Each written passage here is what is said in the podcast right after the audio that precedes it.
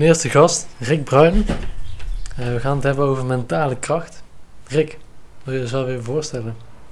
Ehm, nou ja, ik ben, eh, ik ben Rick, eh, zoals Ridder al zei. Ik ben eh, 19 jaar. Ehm, ik ben op dit moment personal trainer voor iemand anders.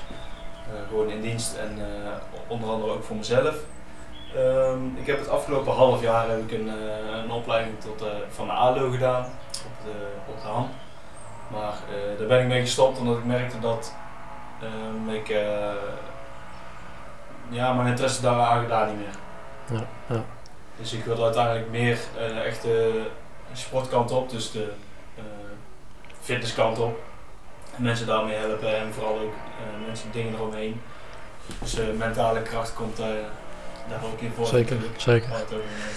Ik zou gelijk met de deur in huis vallen. Ik heb een stelling voor jou.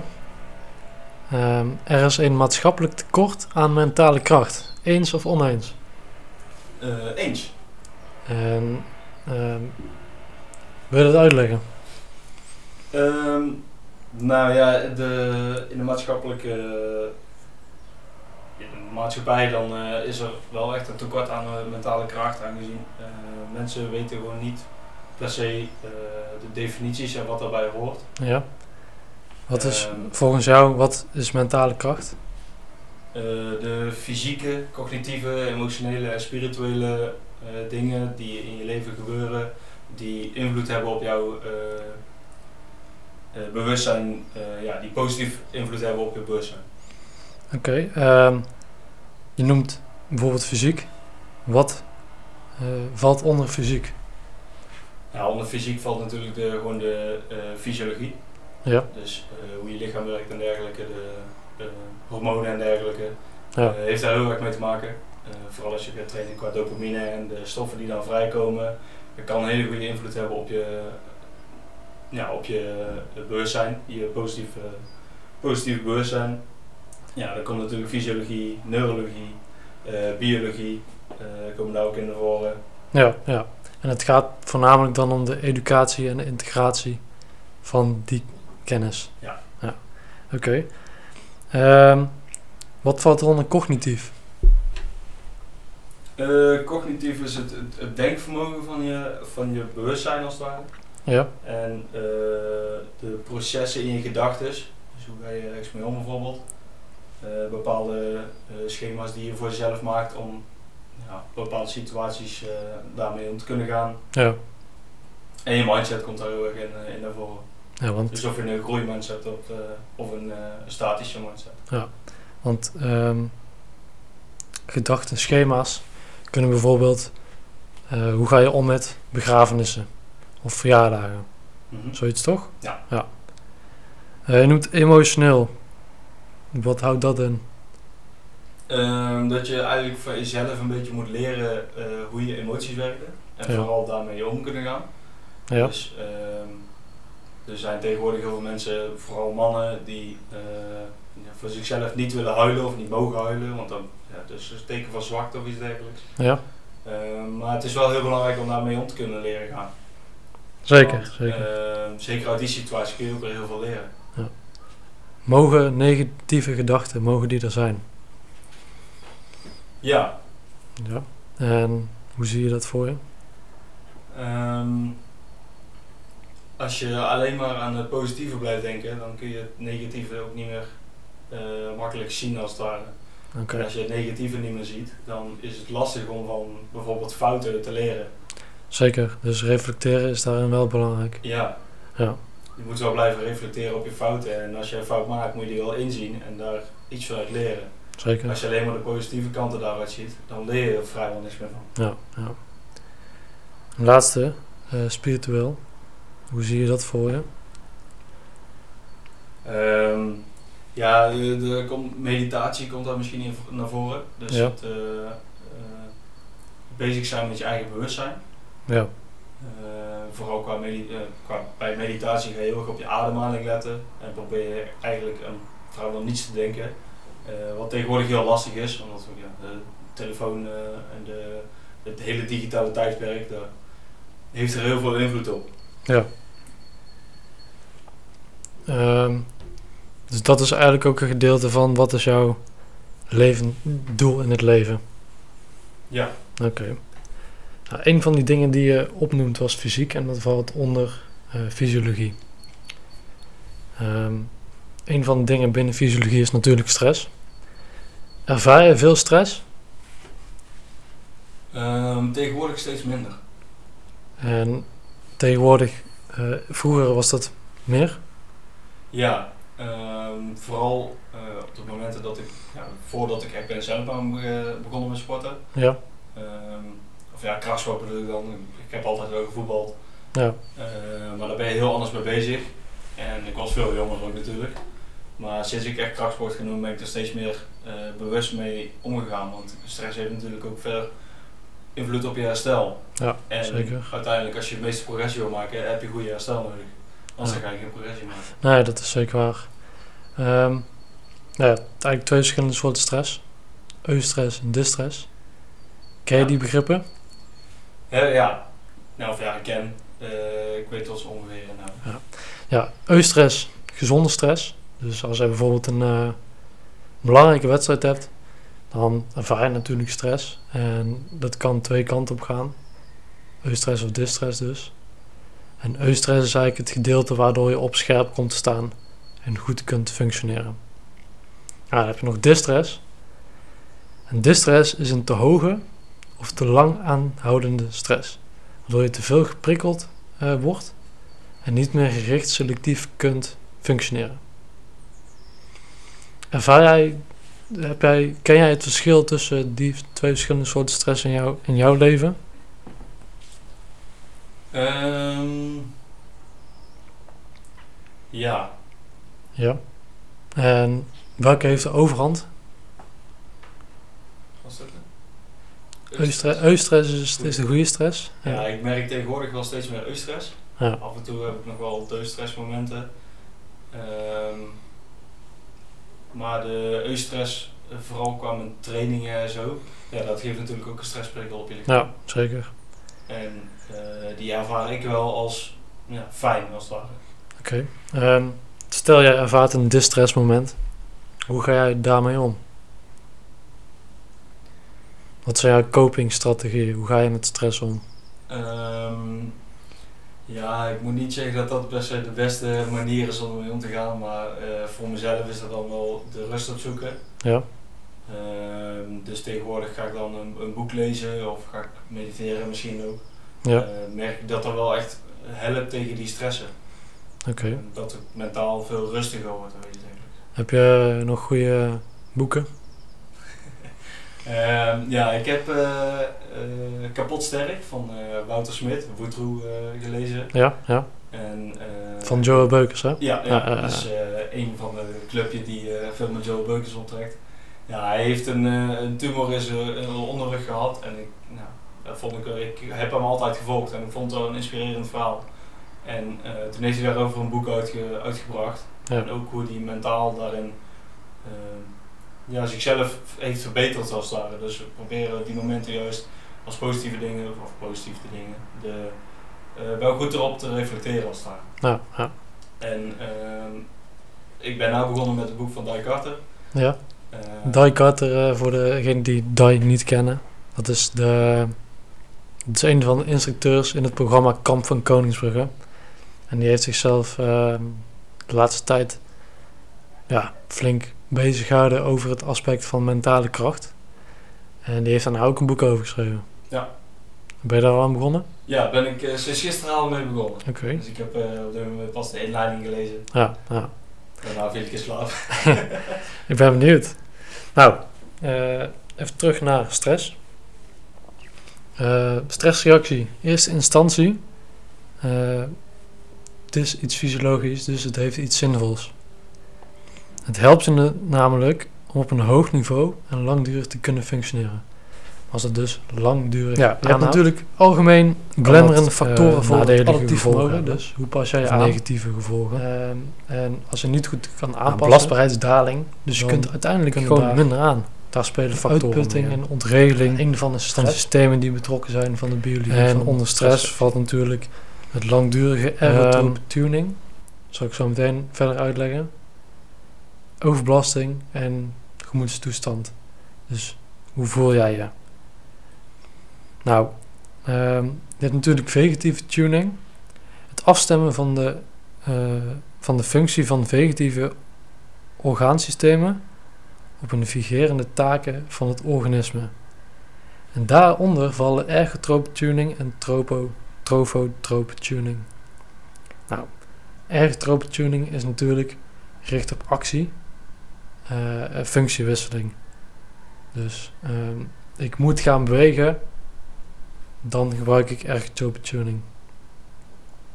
Nou, trofotrope tuning is eh, gericht op rust, groei, herstel. Meer op, dat, op bouwstofwisseling. Oké. Ehm, ja, die twee dingen houdt natuurlijk in.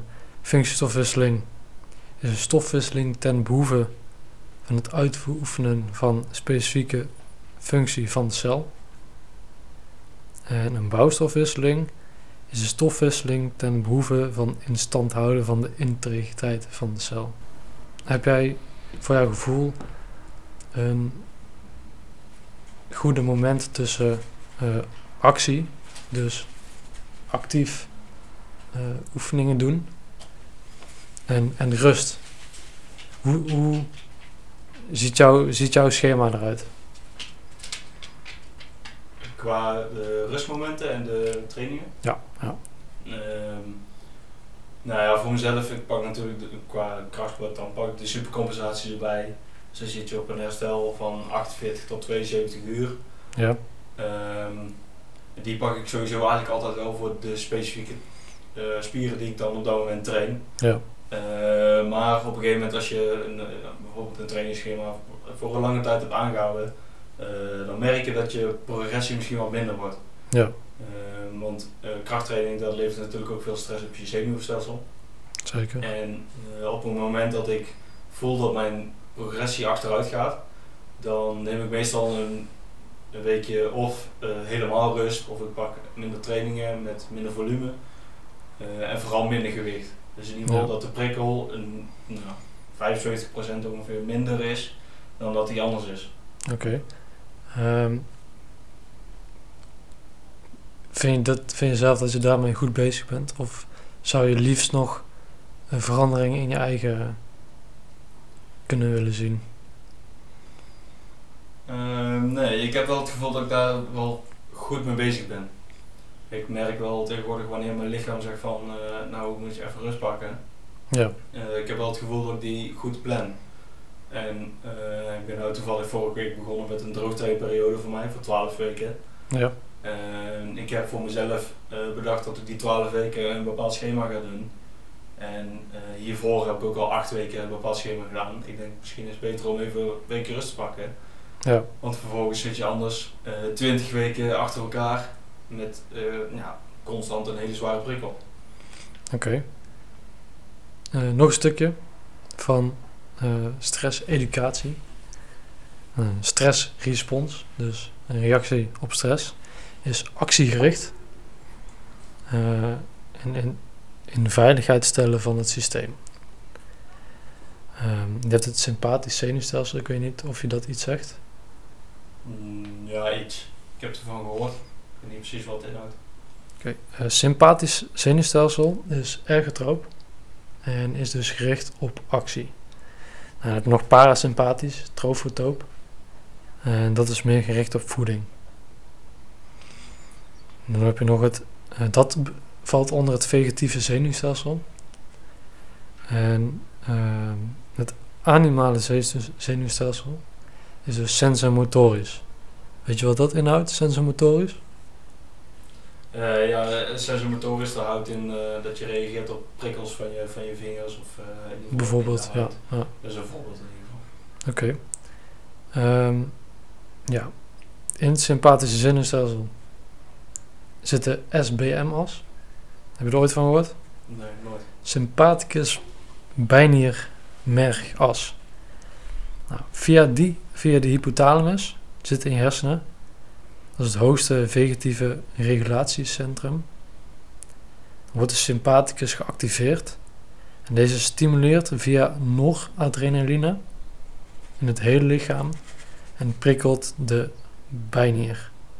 Het prikkelt het bijniermerg tot de afgifte van adrenaline. De sympathicus regelt dus via afgifte aan zenuwuiteinden van noradrenaline snelle neurale activatie van het systeem. En ehm, de bijnier, die heet het adren, eh, door sympathisch zenuwstelsel stimuleert de afgifte van het hormoon adrenaline. Dus adrenaline komt dus van de bijnier. Ehm, ja, dan heb je nog een andere. eh, de stressrespons en de antidistressregulatie. Nou, dit is eh, op toename van activiteit, eh ergotrope afstemming. En het volhouden hiervan is via de antidistressregulatie. Dit gaat via iets anders. Ehm, de H, tussen haakjes, HBS as. Ken je die? Ooit van gehoord? Nee, ook deze niet. Dat is de hypofyse bijnier schorsas. De eerste staat voor het hypothalamus. Slokje water. De schors, de cortex, van de bijnier produceert het hormoon cortisol. En cortisol is dus, eh, werkt perifeer, dus aan de uiteinden, eh, remmend op ontstekingsprocessen. Cortisol remt dus ook bouwstofwisseling. Je, snap je de link al, waar ik naartoe wil? Ongeveer. Ja, dus je hebt ehm, cortisol remt dus de bouwstofwisseling en immuunactiviteit ten gunste van de functiestofwisseling. Dus het remt, ehm, moet ik het even goed zeggen, het remt de trofotope eh, tuning en helpt bij de ergotrope tuning. Ehm, ja, dus dat is eigenlijk een beetje de biologie van, van, van stress. Ehm, nou wil ik even iets persoonlijker pakken. Hoe komt het dat jij bent begonnen met sporten? Ehm, in de eerste instantie is dat eh, gekomen omdat ik heel eh, onzeker was over mezelf. Ja. Vooral over mijn uiterlijk. Ja. Ehm, ik ben altijd erg dun geweest. En eh, ik heb nooit heel veel kracht gehad. Ik heb altijd gevoetbald en ik was nooit per se de populairste jongen uit de klas of zo. Ja. Dus daar is ook alweer onzekerheid uitgekomen. Ehm, en toen ben ik begonnen met krachtsport. Ja. Eigenlijk gewoon om te proberen en om, om meer massa eraan te zetten als het ware. Ja. Eh, maar uiteindelijk, ja, ik vond de progressie die je maakt, dat motiveerde mij heel erg. Zeker. En ehm, op dat moment zat ik ook op de opleiding MBO, die wij samen hebben gedaan. Ja, ja. Sport en bewegen. ja wij kennen elkaar natuurlijk van sport en bewegen. Ja. Het MBO. Ja. Ja. We hebben samen in de klas gezeten op, eh, op het MBO. Ja. Eh, wel allebei een andere richting afgerond. Eh, Dat wel. Ik eh, SBG, sport, beweging, gezondheid. Eh, vanuit daar ben ik ook echt meer eh, dieper ingegaan op ja, hoe de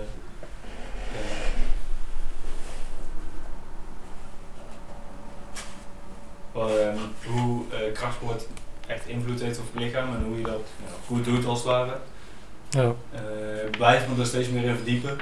Eh, nu zeker de laatste tijd. Eigenlijk sinds het laatste half jaar een beetje ben ik echt verdiept in nou, waarom doe je een bepaalde oefening en eh, waarom doe je hem op een bepaalde manier en eh, eh, qua herhalingen en dergelijke.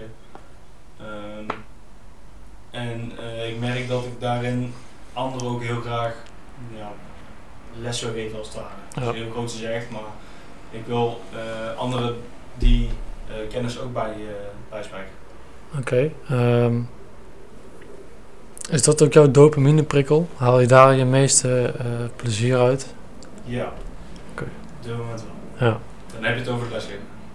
Ja, of zelfsporten. Zelfsporten. Ja, het zelfsporten tegenwoordig eigenlijk niet eens meer. Niet eens meer? Nee, nou, ik vind het nog steeds wel heel leuk om te doen. En Ja. Ik vind de, eh, de progressie die ik daarin maak, vind ik nog steeds fantastisch. Ja. Eh, maar het, het echte plezier dat ik tegenwoordig heb, dat komt wel echt vanuit het lesgeven. Oké. ehm, zegt dat je minder plezier hebt in het zelfsporten.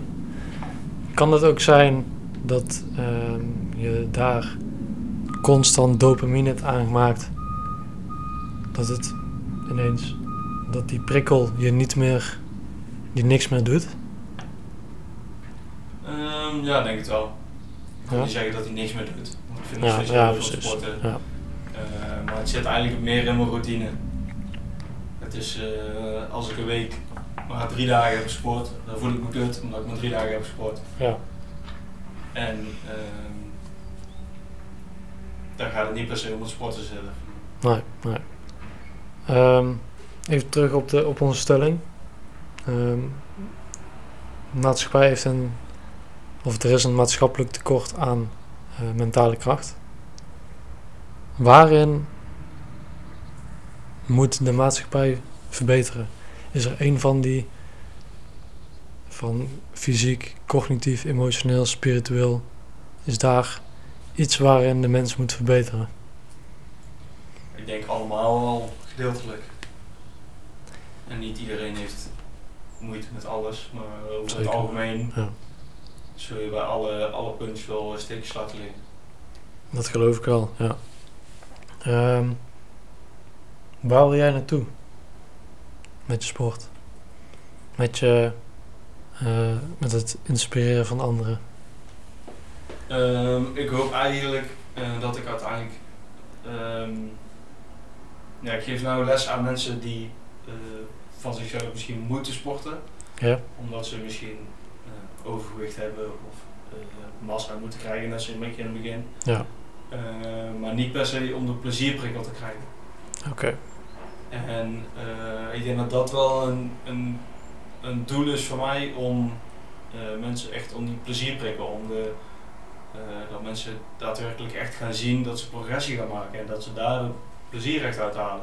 In plaats van dat ze gaan sporten omdat ze moeten sporten. Ja, ja, zeker. Ehm, Dus meer door de, de intrinsieke motivatie als het ja, ja, precies. Intrinsiek is natuurlijk vanuit jezelf, extrinsiek is alles vanuit, ja, vanuit de buitenwereld. Ja, ja zeker. Ehm, hoe wil je daarop gaan doorpakken? Want natuurlijk, eh, de eerste instantie dat mensen eh, komen sporten, is natuurlijk extrinsiek. Meest- ja, meestal wel. Ja, meestal Niet in wel. alle ja. gevallen natuurlijk. Maar Nee. Ehm, hoe wil je daar eh, die schakeling in maken? Ehm, Hoe ga je dat aanpakken? Dat is een lastige. Ik denk dat het voor iedere persoon anders aangepakt moet worden. Dat lijkt me ook, ja. Want ehm, voor mezelf is het echt de, de progressie die ik heb gemaakt. eh, daar haal ik zelf heel veel motivatie uit. Ja. En ik merk dat ook bijvoorbeeld mensen die ik nou één keer in de week train, ja, die zullen niet zo heel veel progressie maken. Nee, dus precies. ook niet per se ehm, eh, echt merkbare eh, progressie daarin. Misschien qua conditie misschien. Nee. Maar eh, fysiek gezien of iets dergelijks niet. Oké, En de mensen die je twee keer traint, die zie je daadwerkelijk ook vooruit gaan. ja. Qua kracht of massa, of dat je echt ziet dat mensen vetpercentages omlaag gaan.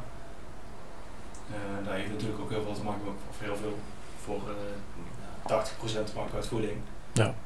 En de andere 20% die wordt dan weer eh, door, eh, door je mentale kracht eh, is daar een onderdeel van. Zeker, Al die zeker. onderdelen in ieder geval. Ja. En sporten is natuurlijk ook een deel. Wel een klein deel helaas. Maar Ja.